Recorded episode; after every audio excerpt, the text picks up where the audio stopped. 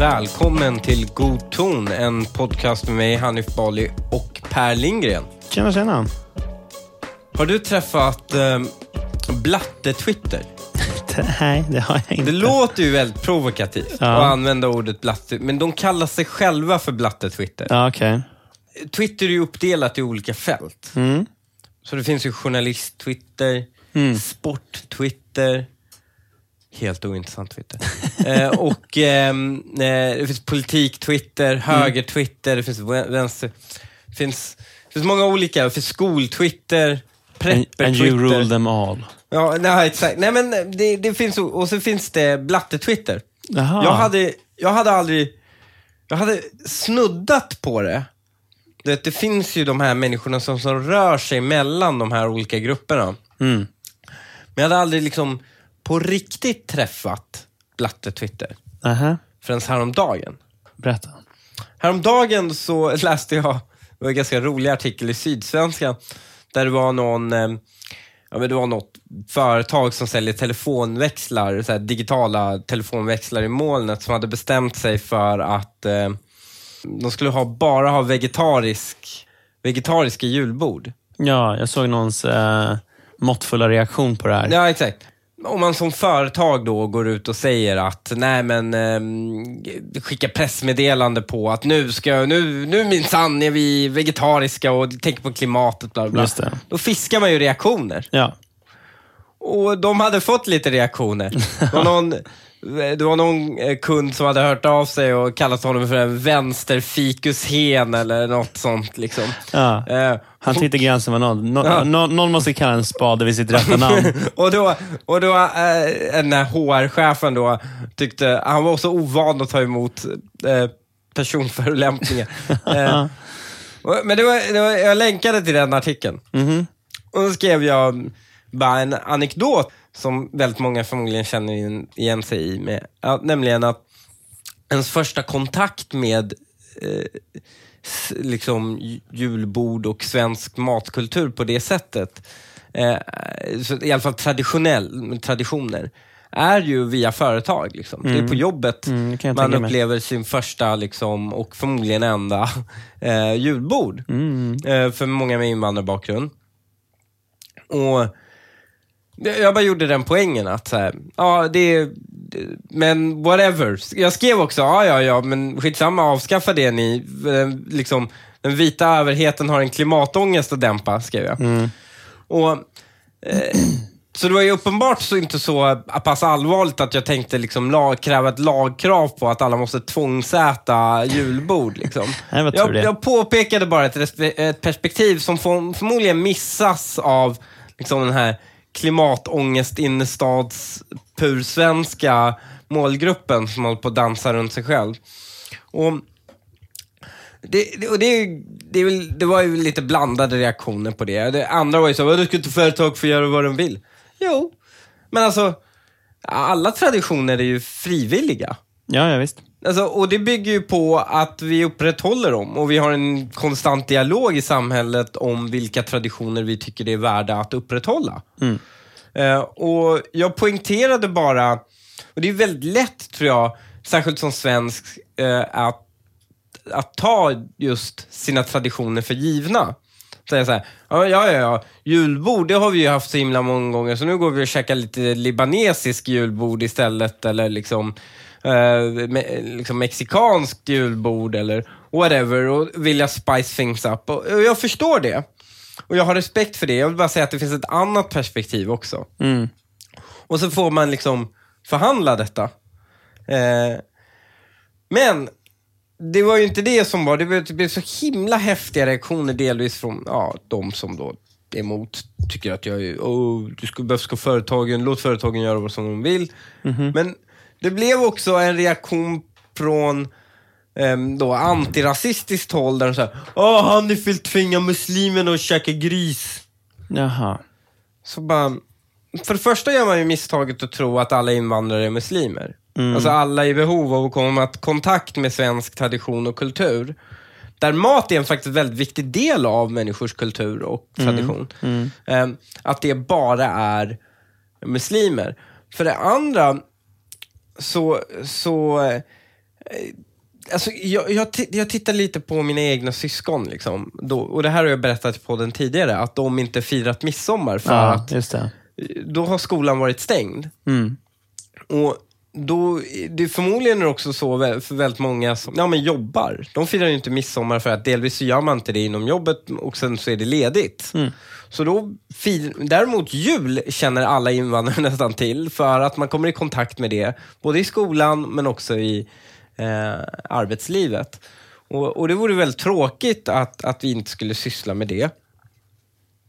Men sen kom den här eh, Blatte-Twitters reaktion. Mhm. Och då stod, citatet var, var det någon snubbe som skrev det finns väldigt många horungar, men den här Haffe är number one. Ja, jag har inte berättat det här tidigare, men jag, det är jag som är blatte Twitter. Det är, det är ju liksom, det är ju en modell att argumentera. Eh, och sen Får så... man lov att säga. Ja, och sen skrev han så här, åh, klimatet håller på att gå under. Och, och den här Haffe, han, han vill att vi ska käka liksom fisk, så här, okokt fisk och eh, osaltat fläsk liksom. Och så, så, så tyckte jag, jag tyckte det bara var en så jävla sjuk reaktion och kalla någon, så jag, så jag svarade honom och, och sa så här att, eh, ja det är ju lite, är, är det så här liksom klimatdebatten sker i förorten. Det är såhär, ey Abdi, horunge! Sp- Spotta ut kebaben, ja, vi klarar inte 1.5 mål, procentmålet liksom. Alltså vad, vad är... eh, och jag, jag försökte bara skoja med de här. Och sen så, det märkliga är att han bytte mitt i till att bli allvarlig. Typ så här, du normaliserar rasism. Okej. Och, och sådana saker, och svansargument och sånt. Och då, det var verkligen den här, eh, inga av argumenten han drog var ju nya. Nej. Alla var ju tidigare argument som hade dragits, eh, men han, han presenterade dem bara på ett mer efterblivet sätt. Och det är väl lite så information färdas liksom. Det sitter ju folk och, och tänker ut då i politism eller något sånt vad talespunkten ska vara. Och sen så färdas det ner, filtreras genom IQn och, och, och då landar eh, hos de här människorna. Eh, och det intressanta var ju då reaktionen på det här. Han skrev någon rant senare om att eh, eh, men, hur, hur ledsen han var, vilka reaktioner det hade blivit. Han, han kände sig att eh, han hade fått ta emot rasistiska påhopp för att han hade reagerat mot min rasism. Eh, och det, så var det ju inte. Han kallade mig för horunge. Det var, det var en väldigt, väldigt fin omskrivning av att kalla mig horunge. Men det är inte det som var det intressanta. Det var intressanta var att mm, just att komma i kontakt med den här crowden. För då skulle ju folk backa upp sin polare. Just det. Och då var det olika sätt. Så till exempel, alla tjejer märkte jag hade en mycket högre like-frekvens. De gick in och likade alla kommentarer som kallade mig för horunge. Eh, och alla tjejer såg likadana ut. Och då menar jag inte att de såg till utseendet, ja, lite till utseendet likadana, men alla hade liksom exakt samma outfit och pose. Eh, och, och Hur var den då? Nej, men det är den här liksom plattat hår, eh, stå lite halvt och titta in i kameran, signalera lite sex men inte, inte för, det är fortfarande halal. Eh, men jag, jag tror, jag, jag, du har ju sagt det tidigare, det är den här syrian i Kista-looken. Mm. Frisörska. Frisörska, sillisar, men ändå inte allt för urringat. Nej. Det, det, det är liksom... Passar bra i passagerarsätet på en BMW. Ja, exakt. Eh, det, det, var, det var verk- verkligen, det var, och så det var tjejerna. Grabbarnas strategi däremot, det var, seriöst var det en snubbe som, som bara, säg tid och plats mannen, vi mannas. och den som inte vet vad mannas är, så är det alltså att man ska nämna en plats och så ska man slåss. Man ska göra upp. Mm, Jag visste inte det, men jag förstod av sammanhanget. Ja, och jag funderade på eh, om man skulle säga, ja men Riksgatan 1, liksom, ses här utanför riksdagen. Och, Men fan, vad, vad är ett kvinnas då? Ja, det är, väl, ja, det är väl lite patriarkalt ute i orten. Eh, Hur som helst så var det väldigt spännande att komma i kontakt med de här människorna. För, det, för det var liksom det var en kombination av en extrem offermentalitet. Nämligen, han hade kallat mig för horunge och sen hade han fått ta skit. Och det var ju fruktansvärt. Det var ju liksom ett systematiskt förtryck av honom. att han hade fått ta emot skit. Vart är vi på väg när man inte kan kalla någon för horunge utan att bli motsagd? ja, exakt. Eh, och, så det var ju en blandning av det här enorma, liksom, den här känslan av att hela världen är skyldig mig någonting. Jag är alltid i underläge och har rätt att bete mig hur som helst. Och alla andra måste se till att liksom, tolka mig välvilligt och, och vara mig till lags för att, eh, för att just på grund av mitt underläge. I kombination med att man vill slå alla och kalla dem för horungar. Liksom. Ja, Eh, Så det, det fick mig att, att liksom tänka lite på, ja men hur som helst, den här mentaliteten som finns där ute. Och så kom jag över en, en artikel och det var ju eh, så att polisen släppte ju sin eh, nya rapport om vilka orter som är särskilt utsatta. Och då har man plockat bort några orter, och så, eller en ort, och så har någon kommit till och så har man valt att lägga till Storvreten. Och Storvreten har ju äh, lite historien bakom sig. Det var ju där man kastade den här handgranaten mot polisbilen för några år sedan. Kommer du ihåg den? Man, man, det var några, man lobbar en handgranat på, på äh, polisen. Man, polisen lyckas få tag på personerna som har gjort det. Kommer till domstol. Eh, man hittar snubbens DNA på handgranaten. Eh, och han bara, nej nej nej, det är inte jag som kastade Jag höll bara i den för en kompis tidigare. Och klarade sig. Ja. Eh, och så, så det är, ingen åkte dit för, för det brottet faktiskt. Eh, så har de mycket, det är mycket drogförsäljning i, i, i centrum, där det är ju Botkyrka kommun. Och sen så är det också Sveriges enda skola någonsin som blivit tvångsförvaltad av staten. Eh, den skolan var en sån enorm katastrof och så våldsam och så ja, urballad att staten gick in och, och övertog det.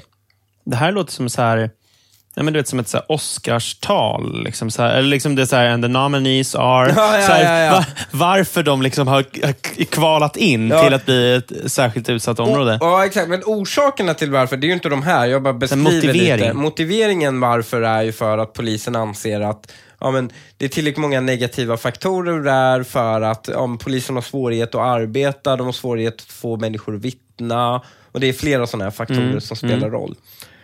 Då går ju svenskan ut och intervjuar kommun, kommunledningen och kommunledningen pratar om problemen i orten och man pratar med polisen, bla bla bla. Och sen så träffar man, hittar man också någon, eh, eh någon lokal person liksom och bara intervjua. Och då är bild på en tjej som är på, eh, eh ja, hon, hon, eh, bilden är tagen på henne på en väldigt fin gräs, så här, så här, gräs eh, fotbollsplan som verkar vara fräsch och snygg och så. Och hon pratar om att man måste, hon, inte alls känner igen sig eh, i varför det skulle vara särskilt utsatt. Eh, och citat var, här, är ju, här finns det kriminalitet precis som på alla andra ställen. Eh, Och också att ehm, ja, men man borde investera i det här området istället. Såklart. Sa hon på en splitterny gräsmatta med nya fotbollsgrejer och sånt. Eh, och det finns ju knappast brist på investeringar i det området. Eh, man har ju försökt investera sig ur de här eh, de här kriminaliteten. För problem, kriminalitet uppstår liksom inte som en effekt av att man inte har lekt byggare Bob i ett område och, och liksom målat fasaderna. Det finns ju en viss sån teori. Självklart alltså att om du håller ett område, om du låter ett område förfalla så kommer skadegörelsen öka om det är förfallet. Är det det här broken window? Eller Exakt. det? Broken window theory. Men det som är, i är väldigt många förorter och särskilt när man kommer och, utlänningar kommer och besöker våra förorter. De får ju hört, höra talas när de kommer. Och det är ju att alla chockas över hur fint det är. Mm. Liksom, det är ju helt och rent och snyggt. Mm. Och de undrar eh, helt enkelt, ja, men, men varför, är det, varför är det här ett slum om det inte ser ut som ett slum? Det här ser ju ett jättefint område. Mm. Mm. Och Det är ju det för att sådana lågt hängande frukter genom att bara renovera upp lite ytor, det har man redan gjort. Liksom. Men, men, men området försämras i alla fall. Men problemet var hennes liksom beskrivning då om att ja, men, ja, men det här är området, det är, det, det är normalt. Jag känner mig inte otrygg. Det är normalt det här. Liksom. Kriminaliteten här är som alla andra områden. eller- Och då har man ju självklart en helt felaktig uppfattning hur alla andra områden har det. Om man har normaliserat det. Och också om man inte känner sig otrygg av sån verksamhet. Då har man ju också normaliserat det i väldigt stor utsträckning. Att säga, nej men det står folk på torget och liksom langar knark öppet och nej, det är liksom, så är det bara. Och inte tycka att det är onormalt. Eh, och, och det gör ju mig väldigt, jag är väldigt ledsen för henne. Jag tycker inte hon, hon gör något fel. Det är inte hennes fel att hon har normaliserat det. Skulle, liksom, eh, skulle vi vara uppvuxna i till exempel ja, Mellanöstern, då skulle vi tycka det var ganska normalt att folk dog i trafikolyckor hela tiden. Det är jättemånga trafikolyckor där. Medan i Sverige hade det varit ovanligt. Det hade varit onormalt om det blir så många trafikolyckor som det är, liksom, och dödsfall eh, som det är i Mellanöstern. Det, sånt normaliseras av din miljö. Visst. Och till slut tycker du att ja, men det, det här är normalt. Det är, jag känner mig inte orolig. Jag tror inte folk är mer rädda för att dö i trafiken i Mellanöstern än vad de är i Sverige. Nej. Däremot så är det långt högre risk där, exempelvis. Och, och detsamma tror jag gäller i förorterna, nämligen växer du upp där och normaliserar det och bor där. Och då kommer du till slut att, nej men det, det kommer vara normalt, särskilt om du är ung, du, du vänjer dig. Och det tycker jag snarare är tragiskt. Ja, visst. Men vad som är ännu mer tragiskt är ju inte att den här åsikten då berättas av den intervjuade Melissa Besara. Utan det tragiska är ju att svenskan gör den här intervjun och berättar inte att Melissa Besara är ordförande för SSU Botkyrka och har alltså politiska intressen att utmåla sin liksom, dysfunktionella, dystopiska kommun som, som ja, men, eh, någon himlen på jorden. Och det är ju faktiskt bara patetiskt. Det är ju vedervärdigt. Eh, och det är ju, hur kan man, delvis hur kan hon ljuga om det så? Eh, och inte säga till dem att hon är ordförande för SSU Botkyrka. Men hur kan svenskan inte kolla upp det och mörka det? Hur svårt är det att googla det? Hur som. Då har ju olika debattörer dragit igång en rapport då, eller så här, med anledning av den här rapporten har man ju då dragit igång en, en kampanj, särskilt socialdemokrater då i exempelvis Järva, deras, eh, han som Fan, han fick överlägset mycket personkryss, eh, deras toppkandidat i, från Järvafältet. Eh, Mohammed Nour heter han. Och han är ju ordförande för Tensta Socialdemokraterna och han är po- politiker i socialnämnden i Stockholm. Han skrev en artikel där han, liksom, ja, men han tyckte att eh, polisens lista bara gjorde det värre. Eh, nämligen att, eh, liksom att kriminella, de får ju status när om deras, deras område pekas ut av polisen. Och, och liksom, eh, han, han vänder ju på begreppet, han säger så här, men vad är det som löses av att vi pekar ut de här områdena? Vad löser det? Och vad polisen själva säger är att så här, fördelen med att peka ut de här områdena har varit att särskilt kommuner och andra myndigheter har börjat hjälpa oss mycket i högre utsträckning. De tar det verkligen som ett larm och, och har liksom får ändan ur vagnen och prioriterar. Ja, men alltså, finns det inte på ett generellt plan kring problemlösning en, en klokhet i att försöka först identifiera vad problemet är? Ja. Också, inte bara vad, utan var också. Ja, ja. Det är den här, jag har ont. Jaha, var har du ont? Frågar jag i någon. Ja. Det är inte så här, men jag har ont. Det hjälper väl inte att jag pekar ut var jag har ont. Ja, precis. Eh, men, men, men det här är ju liksom en väldigt så här, socialkonstruktivistisk syn på att säga så här. Men om vi inte berättar att det här är området Mm. av problem, då kommer det här området få ett bra rykte. Och då kommer många av de här problemen lösas för att det får ett bra rykte. Mm. Och då är det så här, ja, absolut. Alltså, man, man ska inte förneka att rykten har spelar roll. Det är ju så människor kommunicerar med varandra och det är klart att rykten kan vara felaktiga. Ja, alltså så tillvida att exempelvis kommer folk kanske vara mindre benägna att flytta till ett område som är stämplat som synnerligen, vad heter det, särskilt utsatt. Eller, Mm, Ja, absolut. Ja, det är de säkert innan ändå. Men liksom, det är klart att det bidrar till det. Ja, liksom. men, låt, men... Men, den här tron att före polisen började använda det här begreppet, det var väl 2015 eller 2016 och Mm. 2017. Var det så att det var en sån jävla hög efterfrågan på bostäder i Rinkeby från den väletablerade nej, medelklassen? nej, men precis. Men jag menade bara så här, att, att liksom just Nej, men jag Eh, håller alltså med. Att, att jag håller... stämpling, Stämplingen bidrar ju såklart med en ne- negativ klang, Ja. men det kan fan vara värt det med tanke på de fördelarna som kommer av ur Men också, det, förmodligen är det så att det är klart att stämplingen spelar roll så, men de reella faktorerna är ju tio gånger, en faktor av Ja. miljarder Ja, gånger starkare. Exakt. Och att folk skjuter varandra i ansiktet på torget Ja. är liksom, det spelar ingen roll hur bra rykte ett område Ja. har. Det är så rykten förstörs. Men det är så oerhört vänsterorienterat att när någon skjuter eh, någon annan i ansiktet så ska man redan börja, direkt börja fokusera på här, okay, hur ska vi benämna det här? Vad, vad är det rätta liksom, sättet att prata om det här på? Ja. Va? Han Så är folk död. Liksom. ja.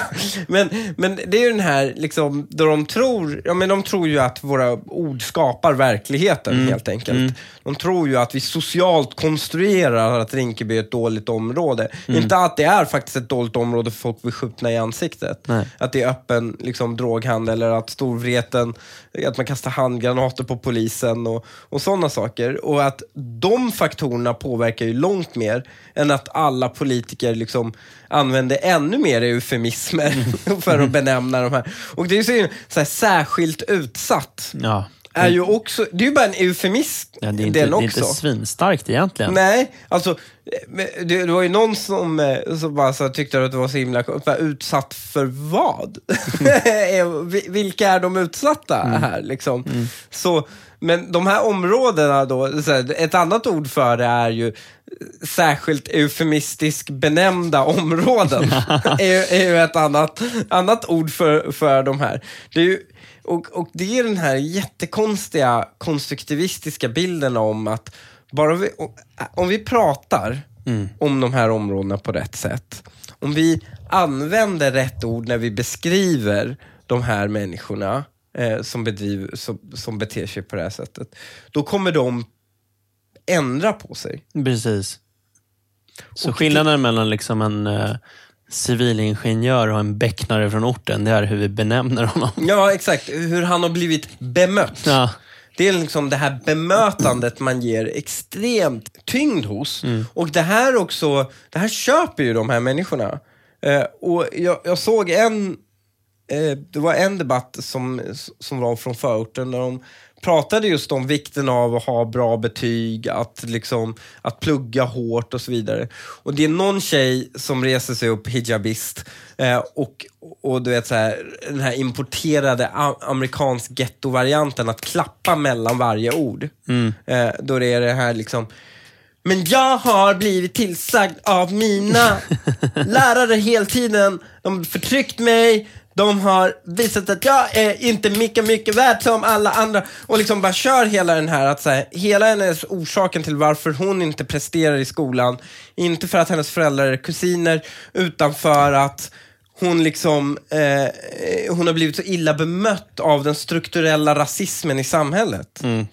Och det är ju den här offermentaliteten som skapar människor som på riktigt från ingenstans kan komma och kalla dig för en jävla horunge och kräva att du backar dem när de får ta skit för det. Och det är ju bara, du, du bara, de är ju bara lost. Det, det finns ingen, du, du kan inte vinna de här människorna. Och det är därför jag blir så himla förbannad när liksom, folk kommer och bara säger men det är viktigt att vi kampanjar i orten, vi, vi liksom, och, och vinner de här. Man, men jag tror inte det går att vinna. Jag, det går inte att vinna, särskilt när folk är vuxna, färdtänkta människor. Liksom, och vinna mot den mentaliteten. Det kräver så himla extremt mycket energi för att övertala en enda sån att exempelvis rösta högerut. Och det är därför jag är så jävla imponerad av Liberalerna. Berätta. Så, Rinkeby-Tensta exempelvis har ju varit traditionella socialdemokratiska fästen. Alltså till och med Vänsterpartiet är underrepresenterade i de här orterna om man beaktar socioekonomi. Så, så starka socialdemokratiska fästen. Och Liberalerna i Rinkeby exempelvis landar 30% i EP-valet.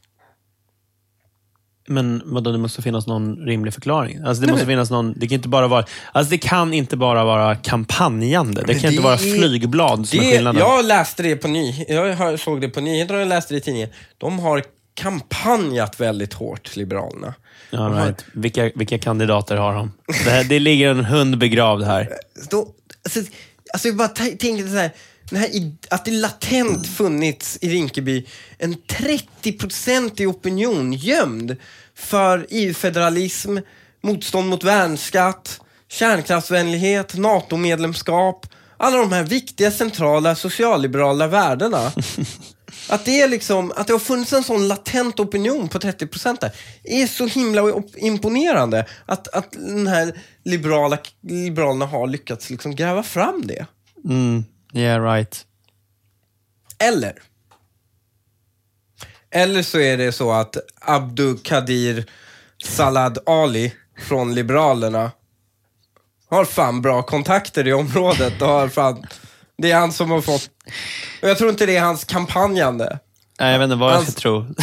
Jag tror inte Han en kanske är en person... jävel på att dela ut flygblad. Ja, exakt. Jag, jag, knackat många dörrar. Knacka dörr så knogarna blöder. Och han får ju frågan, så här, ja men är det den somaliska gruppen som har röstat fram dig? Mm. Liksom som röstar. Nej, nej, det kan det inte vara. Nej. Nej, nej, nej, vi har kampanjat, Mm. säger han. Och, så, och jag brukar ju då, liksom, lek, jag brukar gå in i våra klassiskt, så att säga, särskilt eufemistiskt eh, liksom, drabbade områden och titta på röstmönstren som finns där. Eh, och, och titta på kryssen exempelvis. Och där är det så himla tydligt, man pratar om att så här, vi ska inte vara identitetspolitiska och så vidare. Men samtidigt så här, det är ganska tydligt röstmönster. Det är liksom den etnokulturella rösten som avgör i de här områdena. I alla fall när det kommer till kryss. I den totala röstandelen, ja uppenbarligen 30 procent alltså, Liberalerna. I ett val där de gör ett katastrofval. Så får de 30 procent i ett distrikt från att tidigare haft två. Det är, så, så jag tror att vi kommer se ännu mer av det. Eh, och det ser man ju redan i England, liksom, när någon kandiderar till liksom, fullmäktige och så vidare. Så kampanjar de på Israel-Palestina-konflikten, liksom, trots att de vill sitta i vatten och avloppsnämnden i liksom, någon håla. Och vi kommer nog se ännu mer av sånt. Och jag fick precis tag i en, på en studie som visade att eh, eh, jag hade tittat på korrelationen då, hur, hur, hur stor andel man kunde förklara, nämligen att eh, andelen pakistanier förklarade extremt stor andel av eh, anklagelser till valfusk Var då? i, i England. Mhm. Så andelen pakistanier och bangladeshier i, en, eh, i ett valdistrikt förklarade nästan hälften av, av liksom, eh, anklagelserna av, av Men vadå förklarade? Men det- alltså det- det korrelerade? Ja, men det är en korrelerade. jävla skillnad. Alltså det är ändå inte förklaring nödvändigtvis. Alltså det är en korrelation. Ja, men det, ja, exakt. Men, jo, men du kan ju, för- en korrelation kan ju jo, definitivt förklara, men hur som helst, du behöver inte fastna i den diskussionen om vad som är orsaken. Det, faktum är att det blir så. Nämligen att eh, systemet, hur våra valsystem är uppbyggt efter är ju att varje individ efter på något sätt egen förmåga försöker ta reda på sina intressen. Och de intressena översätts då till ett politiskt parti. Och de här intressena då ska man helst basera på, liksom, som är i alla fall självvalda identiteter. Det kan, det kan ju vara en religiös identitet, men det kan också vara en klassidentitet, det kan vara inkomst, det kan vara utbildningsnivå, eh, ideologisk identitet och så vidare. Men vad vi kommer snarare se framåt är ju att det kommer vara massa icke-självvalda identiteter som kommer vara det viktiga. Nämligen etnicitet, släktskap, eh, klantillhörighet. Eh, och det är därför alla de här ortenmänniskorna är så arga på mig. För att det, då de kallar mig för liksom horunge och hu husplatte, är ju för att de är ju indoktrinerade i tanken om den, alltså, den etnokulturella lojaliteten. Just det. Eh, Det är, det, det, är inte själv, det, det är inte självvalt vem mina lojaliteter ska vara gentemot. Det är inte mot Solnaborna eller något sånt. Utan min, min lojalitet är ju från, från födelse given. Och allt, det, allt annat är ju ett brott mot det. Eh, Så, så det var ju liksom, ah, det var väldigt intressant i alla fall att få intrycket, få den här insynen i, i Blatte-Twitter. Eh, men det som eh, jag var snarare också imponerad av är att tydligen är det förbjudet blatt, i Blatte-Twitter, ett att stava. Men det är också förbjudet att inte avsluta i alla fall hälften av tweeten på engelska. Det är den här, shit, hur kan någon lyssna på Hanif Bali? Oh my god, who's even out there? Alltså det är verkligen så här, det är verkligen, det är varenda inlägg när man går in och läser så är det verkligen så här, 50% måste, alltså det måste, punchlinen måste vara på engelska. Och, och jag känner lite identifikation med det. Ja. Vi har fått klagomål från våra lyssnare att vi har för, li, för mycket, blandar in för mycket engelska. Ja, men jag stör mig själv på att jag gör det. Men jag kan inte komma runt det. Jag gör det ibland. jag gör det jättemycket. Ja. Jag skyller på att jag är från orten. Ja, jag, jag, fan, jag hör åttondels ryss. Är det därför eller? Oh, oh my god, är du min Russian connection här? Ja, det är fan Nej, det. Nu fan, nu kommer DN.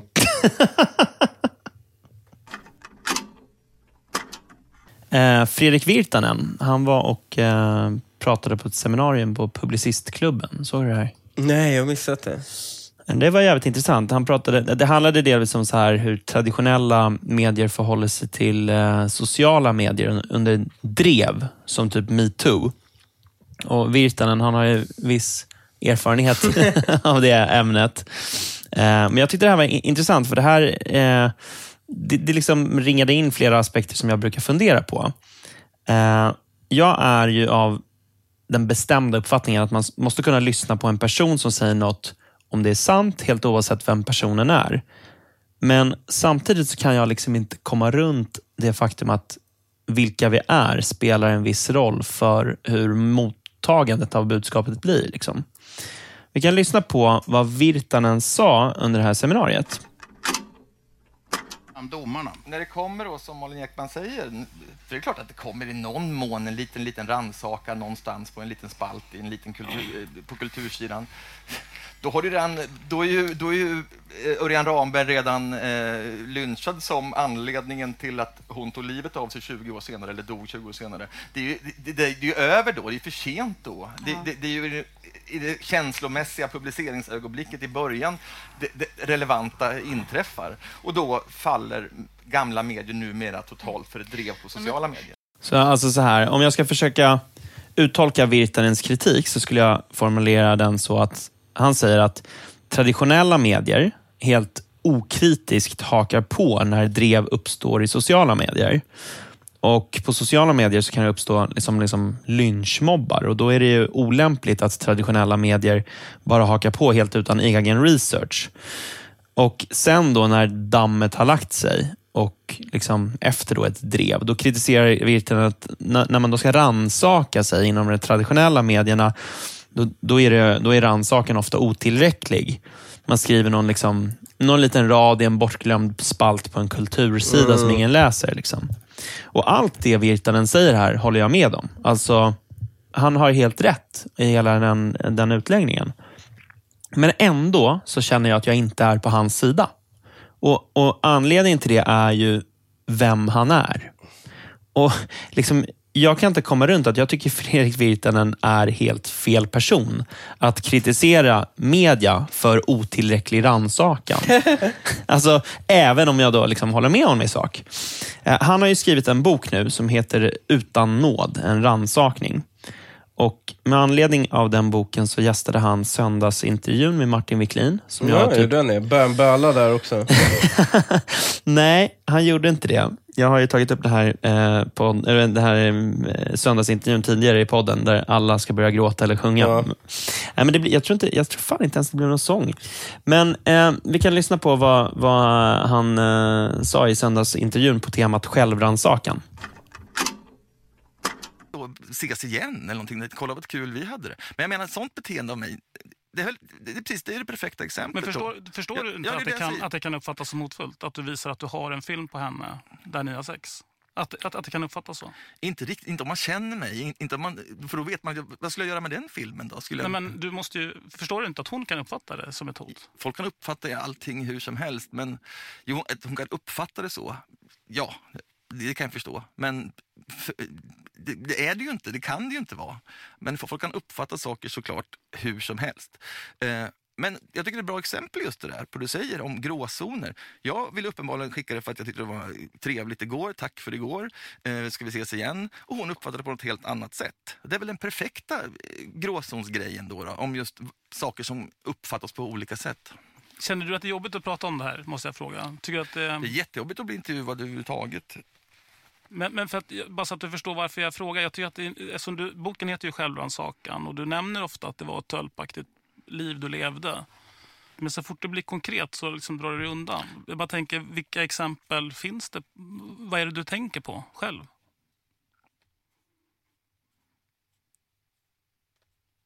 Jag tänker inte på några specifika händelser. Utan det där skrevs ju i, i ett läge när jag, tro, när jag själv trodde på eh, den bild av mig själv som massmedia målade ut. Alltså jag har ju fått mer dålig press än Englas mördare. Och till sist började jag ju tro på eh, den här karikatyren av mig själv. Och jag såg ju några av de här anonyma anklagelserna. Men vi kan ta ett exempel. Om det nu var så här då såklart. Eh, den här tjejen som jag följde från Kvarnen, en krog här i Stockholm. Som också var en stor grej eh, i media. Och då på något vis, eh, hon gick då bredvid mig och sen hade jag tjatat om att nu, nu häng med upp och drick sprit. Eh, nej, det vill hon inte. Ja, men häng med upp och drick sprit, tydligen sa jag igen. Nej, det vill jag inte. Och sen återigen, tydligen, eh, häng med upp, kom häng med upp nu då. Nej. Nej, och sen skildes vi åt. Jag gick upp till mig, hon gick hem till sig. Eh, det är klart att jag, då var det väl tölpaktigt att fråga två gånger för mycket. Ja. Nej, men jag tänker, när, när jag läser så tänker jag att du, du pratar om att det inte finns någon nåd, ingen förlåtelse. Samtidigt som jag tänker att du ber ju inte heller riktigt om förlåtelse för någonting specifikt. Så nu har då Fredrik Virtanen, han har grävt i sitt inre och eh, kommit fram till att felet han har gjort i sin självrannsakan här, det, det, då har han kommit fram till att han har frågat någon om den vill dricka sprit med honom två gånger för mycket. Och när, när han berättar det här så lägger han också till ordet tydligen några gånger för att markera att han liksom inte helt säkert minns ifall det var så här det gick till. Så att han kan inte ens liksom tillstå helt och hållet att han har frågat de här två gångerna om hon vill dricka sprit med honom. Och alltså så här, ja, det, är, alltså så här, det, det, det är vad han landar i och ändå står han då i, och klagar på Publicistklubben över att journalister begraver sina ransakningar på kultursidorna. Och för några avsnitt sen så, så pratade jag om människors oförmåga till självinsikt. Mm. Och Det menar jag att det här är precis ett sånt exempel. Alltså Han har ingen självinsikt. Han, det, det, jag gillar också den bildsättningen han lyckas sälja in i via den här tidningen och alla jävla idioter som recenserat honom. Mm. Nämligen att eh, Pegvetaren sysslar med massa koks och är full och är spritig och, mm. liksom, mm. och rapey och allt sånt. Mm. Och sen så hittar Fredrik Virtanen eh, då sin fru. Och så slutar han med det. Mm. Och så går tiden. Och Fredrik Virtanen är ängel under den här perioden. Han är världens bästa person. Och sen kommer Cissi Wallin och bara krossar honom i metoo. Mm. Och så var det ju inte. Han pratade ju om att han var ett jävla rövhål och, och sånt tidigare. Men alltså det slutade han inte vara. Fredrik Virtanen har under hela sin offentlighet aldrig slutat vara ett rövhål. Vad är det för jävla lögn som säger att, ja men sure, du är inte ett hög rövhål längre, du är fortfarande ett rövhål. Alltså, när var han på sociala medier, i sina texter, i allting han gjorde, någonting annat än ett svin? Ja. Aldrig! Men, men grejen är så här, eh, nej men precis, så han är ett svin, men, men så här, sen så är frågan om ifall han har våldtagit någon eller inte. Det kan, inte, jag, det kan inte jag avgöra. Men det, det, som, är, det som är grejen är så här. Alla väntar på en självrannsakan runt de delarna. Ja. Alltså metoo-delarna. Men han gör en självrannsakan runt vad då? Att han tog ladd för liksom 20 år sedan. Ja. Alltså, det, det är ingen självrannsakan. så, det, så det enda han försöker göra är att få en väg in tillbaka in i värmen mm. och liksom en lukrativ sån genom att skriva en bok det är liksom det som är hela, hela ambitionen. Och han säger det mer eller mindre rakt upp och ner i den här söndagsintervjun. Att han är liksom oroad över hur han ska tjäna deg. Det är hans största huvudvärk nu. Och han, han, tillstår ju inte att han har gjort någonting. Han använder ordet tölpig, men när det blir konkret, precis som Wiklin påpekar, så är det så här, nej men, det, det, det är bara luft. Det, blir ja. inget, det, det, är inget konkret han, han kan ta på sig. Men det här eh, oförmågan som han har att se sig själv utifrån. Liksom. Eh, den, den, eh, jag, jag blev, blev påmind om, om just den, den grejen, alltså att vi människor har det problemet. Det blev jag påmind om också häromdagen eh, på jobbet. Och Jag har ja, i möjligaste mån avstått från att prata så mycket om mitt jobb i den här podden av olika anledningar. Och jag, dels, alltså jag tror inte att det blir en så jävla intressant podd om jag ska prata om mitt jobb. Och Sen så är jag extremt mån om att den här podden inte ska bli ett verktyg för mitt jobb. Alltså jag vill inte att jag vägrar att det här ska bli någon partimegafon, för det, fy fan vad tråkigt och jag, jag vill inte hålla på och syssla med det. Men för de som inte vet det så är jag då politisk sakkunnig för Moderaterna i KU. KU? KU är konstitutionsutskottet. Mm. Ja, förlåt, jag är skadad. Och eh, I tisdags så gick då konstitutionsutskottet, eller KU, i, eh, de gick i mål med vad som kallas för vårgranskningen. Och Det är det absolut största som, som KU sysslar med under året. Och det, är ett, det är ett betänkande som bygger på alla KU-anmälningar som har lämnats in. Så att riksdagsledamöter kan lämna in KU-anmälningar mot statsråd eller mot regeringen för de har gjort något fel. Och då och granskar KU vad som har hänt. Vadå? Och den som undrar vad betänkande är. Betänkande är ju bara, eh, eh, eh, det är en samling text som bemöter de olika anmälningar eller motioner och så vidare som lämnas in till utskottet. Ja, alltså, så det som är grejen med det här betänkandet är att KU kommer med ställningstaganden ja. i förhållande till varje KU-anmälan. Ja. Och eh, Då kan det här ställning, de ställningstagandena kan innehålla kritik eller så innehåller de inte kritik. och det, det är det som i media brukar kallas för att olika ministrar fått prick de har prickats av KU. Då. Och Det har varit ett ganska intensivt arbete som har lett fram till det här betänkandet. Och Jag måste säga att jag är riktigt nöjd med hur det blev. Alltså, KU är i år helt eniga och det är, det är inte en självklarhet att KU ska vara det. Och Man riktar kritik då mot fem statsråd. Och för det ska inte minst sossarna ha cred, alltså sossarna i KU. Och då, alltså om man tänker då på Hans Ekström som är vice ordförande i KU, han, han har kanske utskottets svåraste uppgift. För att det är hans partikamrater som granskas i hög grad, vilket gör att situationen blir rätt svår för honom. Alltså, alla inom politiken har en partilojalitet och, och, och, å ena sidan. Och å andra sidan så är han då vice ordförande i KU och han har ju såklart ambitionen att göra liksom en, en seriös granskning. Och Dessutom så har han efterträtt en, en person som heter Björn von Sydow som tog det här uppdraget på extremt stort allvar och han gjorde sig ett namn som en trovärdig statsman just genom sitt agerande i KU bland annat. Då. Eh, så att KU nu går fram med helt enig kritik mot fem statsråd, det är inte helt lätt gjort. Och eh, för det lyfter jag på hatten för hela utskottet, även för sossarna. Och även då såklart för, till Karin Enström som är ordförande i KU. Hon är från Moderaterna. Och hon har ju lett hela det här utskottet och hon ska ha en eh, eloge för det. Det, hon, alltså så här, det, det är ändå en jävla bedrift, för det här är hennes första år i KU. Och Det man ska minnas då är att de senaste två åren så har det ändå varit reservationer, alltså att det har varit oenighet i vissa ärenden. Inga, inga stora saker, men det har ändå varit oenighet i KU de senaste två åren. Men Karin lyckades då liksom få till ett 100% enigt eh, utskott sitt första år som ordförande. Det är, det är en jävla bedrift. Och Kritiken då som KU riktar är mot Annika Strandhäll, mot Margot Wallström, Peter Hultqvist, Ylva Johansson och Alice Bakunke. Kan för övrigt nämna att Margot Wallström är alltså det mest kritiserade statsrådet i svensk historia. ja, men eh, så här, KU de, de sysslar inte med några graderingar av hur allvarlig kritik som riktas, utan eh, man får liksom utläsa i själva ställningstagandena hur allvarligt det är. Och det här förvirrar vissa journalister som sitter och letar efter nyckelord som till exempel just ordet kritik. Eh, mm. Men det är inte riktigt så det funkar. Alltså, egentligen har det aldrig funkat så i KU. Och eh, i den delen kan man säga att KU funkar egentligen som vilket annat sammanhang som helst. Alltså, man kan kritisera någon för hur den personen har agerat utan att använda ordet kritik. Utan det som avgör hur allvarlig kritiken är, är hur man har uttryckt sig. Och I år då så har den stora snackisen varit ärendet om Annika Strandhäll och jag har pratat om det tidigare i podden, men för de som inte har hört det så kan jag väl jättekort bara säga att det handlar om att statsrådet Annika Strandhäll, hon KU-anmäldes eh, hon anmäldes för att hon hade agerat felaktigt vid en förflyttning av dåvarande generaldirektören vid Försäkringskassan, som heter Ann-Marie Begler.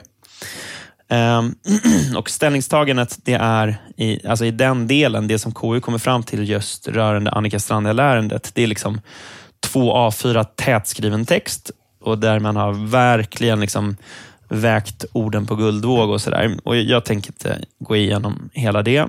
Eh, om man är nyfiken så kan man läsa det själv. Men eh, och utöver det så har man dessutom en utredning som är svinlång. Liksom, så det är en jävla massa text att ta sig igenom. Men, men jag tänkte prata lite om just en del som har varit väldigt omdiskuterad. Och Det är huruvida Strandhäll ljög för KU eller inte. Ja. Och eh, Det KU gör är att man går igenom lite om förflyttningsinstrumentet. Eh, man säger ungefär att förflyttning eh, enligt lagen om offentlig anställning möjliggör för regeringen att flytta på en generaldirektör mot generaldirektörens vilja. Och varför det här är viktigt är, det är av flera skäl. Dels så vill man understryka att KU naturligtvis inte ger sig in och begränsar regeringens makt på något sätt. Alltså, om en generaldirektör behöver flyttas på så, så ligger det inom regeringens kompetens att göra det. Och Dels så är det väldigt viktigt att understryka att alltså, det är just när det sker mot generaldirektörens vilja som lagen om offentlig anställning, eller LOA som den också kallas, det är då den blir aktuell. Det är då den blir tillämplig. Alltså, det senare innebär då alltså att om en generaldirektör har samsyn kring en förflyttning, då, då behöver man inte förhålla sig till en massa regler i LOA. Mm. Och Det är egentligen ganska logiskt. Alltså det här är precis som vilken tjänst som helst. Alltså om ens chef säger att... Tja, vill du flytta dit? Ja, men det vill jag. Okej. Okay. Ja, exakt. Och då behöver du inte liksom, jaha, nej men vad säger arbetsrätten om det här? Mm. Liksom? Utan då är det, det är en deal, ni är överens. Då är det bara att flytta. Liksom. Men om du däremot, om chefen kommer in och säger, jag flyttar dig till den här skitposten. Liksom, och så säger du, what the fuck, liksom, motsätter dig det. Då, måste ju, då blir det aktuellt med de här arbetsrättsliga reglerna. Precis så funkar det. Och just för generaldirektörer så säger LOA då att en förflyttning som verkställs omedelbart måste ha synnerliga skäl. Och Det här var en förflyttning som verkställdes omedelbart. Och I fallet då med Strandhäll och Begler så har Begler skrivit eh, så skriftliga svar till KU. Det är så det funkar. KU ställer frågor till olika statsråd eller myndighetschefer och så där, och så svarar man på det skriftligen. Och i, och, eh, liksom, och I vissa fall så kallas man även till muntlig utfrågning till KU. Men Begler fick svara skriftligen på frågor. Och eh, Där då så var hon supertydlig med att det inte var frivilligt alls. Alltså den här förflyttningen var emot hennes vilja. Och Strandhäll, hon fick ta del av Beglers svar eh, och fick liksom läsa, läsa in sig på det här.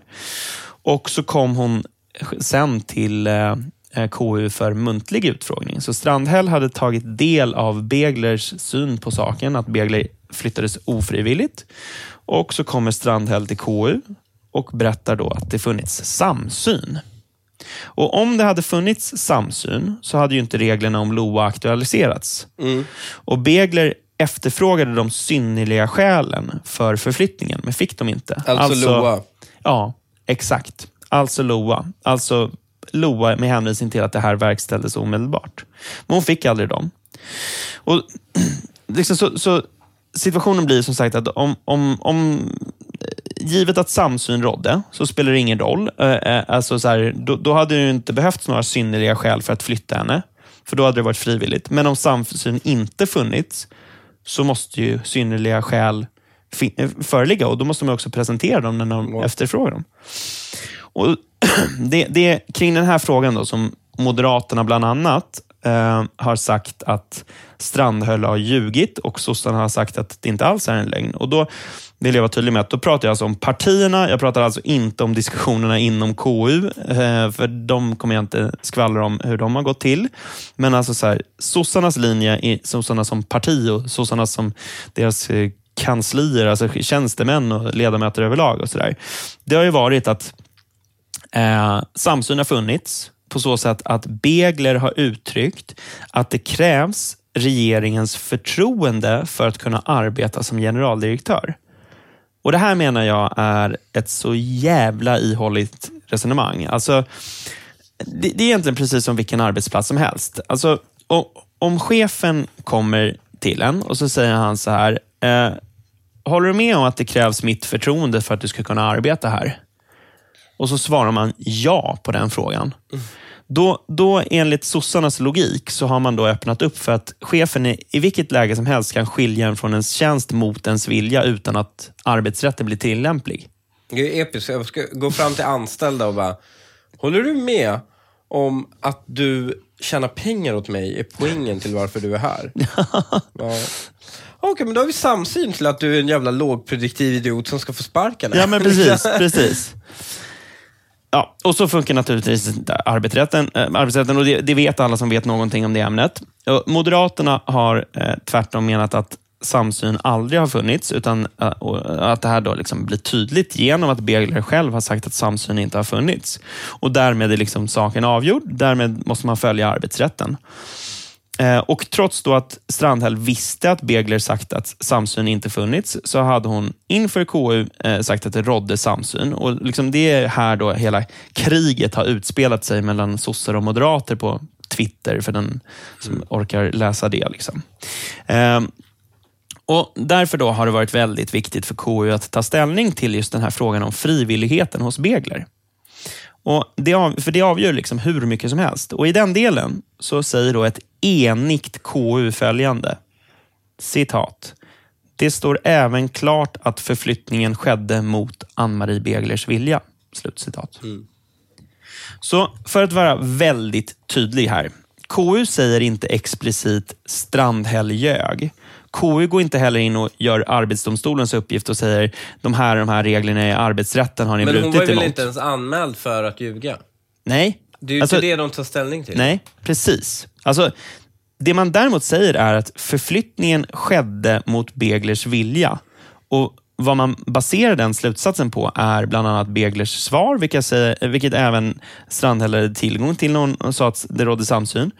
Och för att vara extremt korrekt här, KU tar inte ställning till om Strandhäll har ljugit, men det Strandhäll sa till KU om samsyn stämmer jävligt illa överens med att KU säger att det var emot Beglers vilja. Så KU tar inte ställning till varför Strandhäll sa som hon gjorde. Alltså det kan vara en medveten lögn, det kan vara ett plötsligt sinnesförvirring eller att hon inte har ätit frukost. Liksom. Det, det, det, är inte vad KU har granskat. KU överlåter till var och en att landa i om det var lögn eller inte. Men det var en förflyttning mot Beglers vilja, vilket ju ger att samsyn inte fanns och den slutsatsen dras mot bakgrund av information som Strandhäll hade innan hon uttalade sig om att samsyn fanns för KU. Och jag drar personligen då, alltså slutsatsen, jag är helt övertygad om att Strandhäll ljög. Det är liksom min ja, slutsats. Ja. Alltså, så, och, och, och, min slutsats är att KUs ställningstagande ger tydligt stöd för den slutsatsen. Och Sossarna landar i en annan slutsats och jag, jag respekterar det. det, är liksom, det de, får, de, får, de får resonera hur de vill, men, men så resonerar jag. Vad jag inte respekterar från sossarna, det är det här. När KU hade pressträff så ställde sig vice ordförande Hans Ekström och sa så här. Att endast eh, tre ärenden innehåller, om man säger, eh, tydlig kritik mot eh, statsråd. Alltså, det här är fel. Jag vet inte vad han är ute efter. Det är fem ärenden med kritik. Och Att börja prata om så här tydlig kritik, det ger ju vid handen att i andra fall är det otydlig kritik. Mm. Alltså han säger att det är tre ärenden med tydlig kritik. Jaha, vad övriga två då? Ja, de började gradera kritiken. Ja, men det är det han försöker göra. Alltså, och det finns det ju inte. Nej, det Precis. finns ingen jävla gradering av Nej, kritik från KU. Naturligtvis inte. Det här är fem, det, alltså det är fem fall av tydlig kritik och ett fall av desperat sosse som försöker spela ner betydelsen av sitt eget utskott. Det är det det är. Och det är väldigt fult gjort. Alltså att, att vara överens om någonting på, en, på en, eh, ett ställningstagande som är helt enigt och sen så ställer man sig på en pressträff och försöker eh, vilseleda. Det, det är inte snyggt gjort. Det, och jag det är klart inte, de är sossar. Ja, men alltså de jag är, vet... De jag försöker vet. vara hedersmän där inne, för de måste, kulturen kräver det väl inne i det där rummet. De kan ju inte sitta och... Men så här, sen när det är lights are on och kameran är på, då saknar de ju hämningar. Ja, men alltså så här. Jag, jag, jag, jag bara så här konstatera att det här var inte helt snyggt och jag hoppas att man slipper, slipper se det fram, framöver. För att grejen är att det brukar faktiskt funka det är fan rätt mycket heder inom KU. Alltså man, man, det är rätt lite av fulspel skulle jag säga. Och, ehm, men, Men det är väl ett utskott också där folk pratar alltså med varandra. Alla pratar med varandra. Ja, alltså, Alltså, visst är det så. på Du- mötet sitter folk och på, pratar på med. Jag, är inte- jag sitter inte med på sammanträden eftersom Ja. det bara är ledamöter. Men Mm. det är absolut min bild att man sitter och diskuterar ställningstaganden. Eh, alla partier är involverade i det, det arbetet. Så, är det. så är det ju inte i andra utskott alltid, att Nej. man diskuterar de olika frågorna. Ja. Men grejen är så här. Det här, det här eh, uttalandet från Hans, som jag tyckte var osnyggt, det eh, faller ändå i eh, skymundan för vad en annan sosse gjorde. Eh, Laila Naragi, hon är ledamot för sossarna.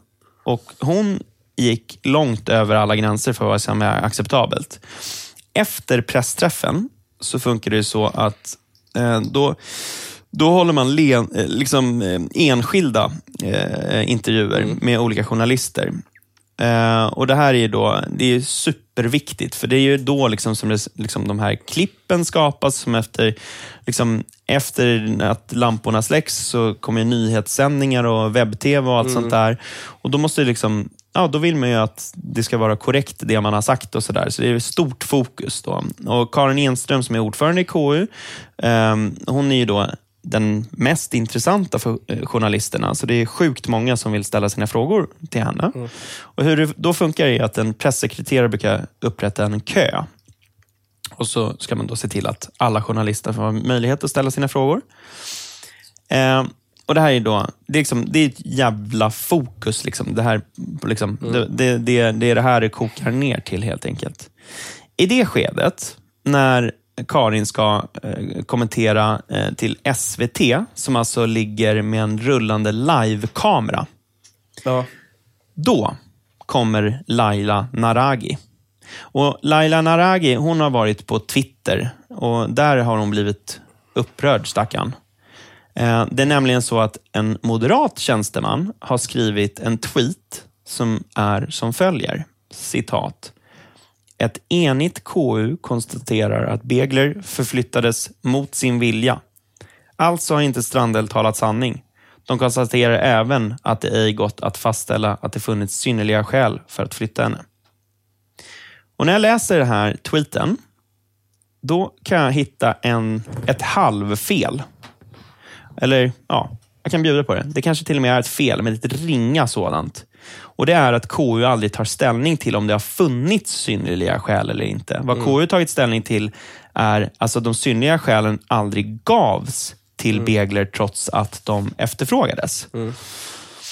Men eh, vad den här eh, tjänstemannen gör är ju att dra sin egen slutsats angående lögnen mot bakgrund av vad, land, Ja, KU landat hjärna, till. så att säga, ska dra den slutsatsen att om Mm. Begler inte flyttades Ja, frivilligt, Mm. så har det alltså inte funnits samsyn. ja. Alltså jag drar ju den slutsatsen också.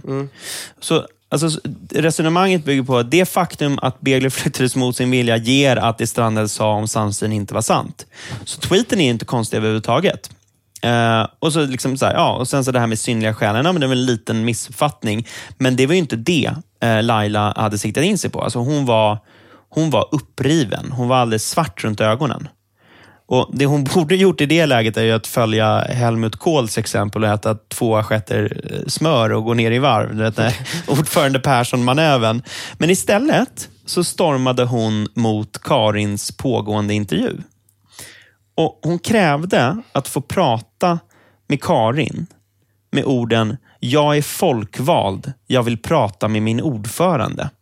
Så ambitionen från, från Laila var alltså att Karin skulle liksom rycka den här tjänstemannen i örat under pågående intervju. För att han hade skrivit en tweet som fan är helt rimlig. Och jag, alltså jag kan säga seriöst att jag, jag kan hitta tusen exempel på sossar, sossetjänstemäns tweets som har skrivits de senaste dygnen om KUs granskning som har varit helt åt helvete i sak. Alltså som har haft sakliga fel. Jag kan hitta tusen sådana. Det är inte svårt. Kan, det, man behöver inte ens gå till Twitter. Alltså kolla på statsministern. Han säger att KU kommer fram till att Strandhäll inte farit med osanning. Alltså, det, What? är, ja, det är fel i sak. Det är fel. Ja, KU har aldrig tagit ställning till det. Alltså, så var det Laila Naragis upprörda stämma när statsministern gör felaktiga uttalanden.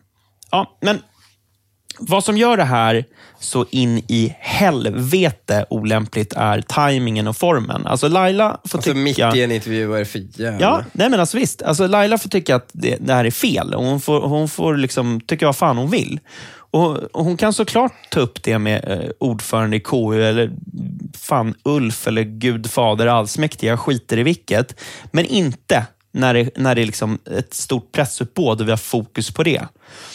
Och jag, jag, jag ska säga det tydligt. Alltså så här, hon, det var inte så att hon klev in i intervjun. Jag vill inte liksom att det ska, eh, det här ska inte missuppfattas. Men vad hon gjorde var att hon stod precis intill och gormade och trängde sig fram mot Karin. Alltså så att det verkligen störde. Och tack gode gud så, eh, ja, Karin har ju rutin och hon kunde behålla fokus och sådär. Så, så det var ju liksom, det var ingen skada skedd, men, men det hade potentiellt kunnat bli det. Men vad som däremot hände, och det, alltså, det är att jag säger då till, till Laila att hon ska få prata med Karin, men efter att alla intervjuer har gjorts. Och Då svarar hon, ja, men då ska jag stå här så att alla journalister ser det. Så stod hon liksom demonstrativt bredvid. Så här. Och Jag kan inte bry mig mindre vad fan hon står någonstans och väntar på att få prata med Karin. Liksom. Men däremot så höll jag fan mig på att explodera över vad hon gjorde sen. Det hon ställer sig och gör är alltså att prata med journalisterna som är i kö till att få intervjua Karin och berättar om sin syn på den här jävla fullkomligt oviktiga Twitter-incidenten. Och Det gav att en av journalisterna liksom snappade upp det här och ställer en fråga till Karin på det temat. Och alltså, bara för att ge lite kontext då, så är det så här. Valrörelsen 2014 så ansvarade jag, eller jag var en av flera som ansvarade för omvärldsbevakning. Vilket innebar att då åkte jag med i eh, sossarnas turnébuss. Alltså med Stefan Löfven, med Magdalena Andersson, med Mar- Margot Wallström. Och det man gör då är att man lyssnar på vad som sägs och det, vad som sägs till media och vad som sägs vid torgmöten och så liksom rapporterar man till partiet för att, för att man helt enkelt, alla ska veta vad de andra gör. Och det, här är, det kan låta konstigare än vad det är, men alltså sossarna gör exakt samma sak med oss. Alltså de har ju tjänstemän som hakar på oss och sådär. Eh, men när man är med på en sån där grej, då ser man till att man fan inte är i vägen. Och aldrig för mitt jävla liv hade jag planterat någon jävla fråga till en journalist som står och ska liksom ställa frågor till Löfven. Det finns inte en jävla chans. Men det här är ju då att Laila är förbannad på en enskild tjänstemans Twitter eh, är ju ett tecken på att hon, precis som Fredrik Virtanen, saknar självinsikt. Alltså, hon ser inte när hennes egna etta i utskottet försöker ge sken av att det är tre kritikärenden när det var fem. Hon ser inte att statsministerns uttalanden fladdrar iväg. Utan istället så liksom, och, och hon, hon ser inte heller att hon själv liksom planterar frågor till journalister som står och väntar på att få göra en intervju. Utan sitter, istället- men istället- också, hon är ledamot i KU. Ja, visst. Så KU har enigt, Ja. eniga gått Ja. ut. Hon håll, när vad heter det, KUs ordförande, alltså Karin, Mm. moderat då, pratar med media, så gör hon det i representant av hela KU. Hon går ju inte och säger, ja men egentligen tyckte Mm. Nej. Moderaterna Nej. att vi borde, utan hon säger då, har ju kompromissat sina då Mm. åsikter med resten av KU. Och då börjar hon då, som ett, i ett enigt KU, börja skjuta i efterhand Mm. då mot Karin. På grund av vad någon tjänsteman har tweet, skrivit. liksom. Ja, Som hon övertolkar. ja exakt. exakt, exakt. På grund av en, ja, precis. På grund av en feltolkad tweet. Ja. Ja, eh, eh, och, och jag säger bara det. Det här, så här, det här har varit en framgång. Det här, alltså årets vårgranskning är en stor framgång för alla ledamöter i KU och jag lyfter på hatten för allihopa, även för Laila. Men om hon någonsin under pågående intervju alltså stör eller ännu värre planterar frågor till journalister i en kö, då lovar jag att jag ska göra exakt samma sak. Och jag lovar att jag är bättre på det än vad hon är. Det var allt för den här veckan. Det var det. Vi har massor av nya Patreons att lägga till i Facebookgrupperna. Mm. Och det borde ha varit tillagt nu, eh, de flesta. Men om ni inte har blivit tillagda så hör gärna av er till oss via antingen mail på info.godtonpodcast.se eller via Patrons Messenger-system. Och, eh, och säg till vad ni har för egentlig e-postadress om er e-postadress till Facebook skiljer sig från den e-postadressen ni använder i Patreon. Men vi har några shoutouts också. Ska jag dra dem? Ja, men gör. Eh, då har vi Jesper Cedervall, Erik van Beers, Stefan Karelius, ehm, Per Bredhammar, Peter Eriksson, Jesper Klein, Johan Bäckström, Niklas Persson, Daniel Kärrholm, Alexander Stark, Lars Olemyr, Mattias Furskog, Marius Hellan Vassbotten, Anders Wallin, Filip Unnestad, Mats Blomdahl, Olof Jonasson, eh, Staffan Axlund, John Grenhof, Gustav Ristedt, Sören Helgosson, Linus Tueha. Förlåt. Jag Linus vad? Den. Jag slaktade den. Jag tänker, inte, jag tänker inte ta om det. Jag tänker inte ta om det. Fan, sist blev jag tvungen att säga det tusen gånger för att sätta det rätt. Men det var inte ens så... Tuohea. Nej, fan. Ja. Det, här får, det här får få komma med, det gör inget. Ja. Men stort tack till alla er. Vilka hjältar ni är. Ja, verkligen. Stort tack. Stort tack. Ni som har önskat t-shirt, det är några som har gjort det. Skriv eran storlek. Ni som redan har liksom eh, eh, är, är så pass höga i Patreon att de eh, hög nivå att ni förtjänar en t-shirt och ni har inte fått den. Se till att ha skickat storleken till oss. För annars vet vi inte vilket, vilket t-shirt vi ska skicka. Så vi behöver det. Hör jättegärna av er på Patreons eh, bara messenger-system. Skicka ett meddelande för oss i Patreon. Exakt. Men annars så syns vi nästa vecka för sommaravslutning. Då är det fan eh, ett, eh, ett adjö för säsongen. Det blir det. Då syns vi då. Hej då! Tja då!